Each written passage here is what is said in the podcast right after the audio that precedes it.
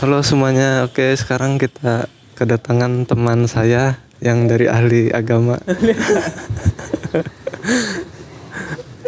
Beliau merupakan eh, orang dari pesantren apa? Darul Ulum Adinia. Ke sekarang kita mau sedikit tanya-tanya. Katanya eh, dunia sama akhirat itu harus seimbang. Nah, seimbang dalam artian seperti apa? Seimbang 50-50. Ya lagi. Seimbang itu artinya proporsional.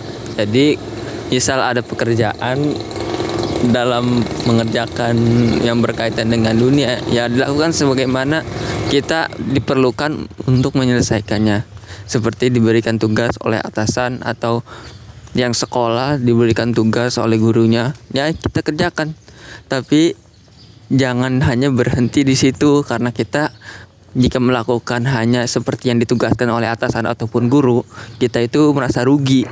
Jadi diselingkan niat kita untuk ibadah juga.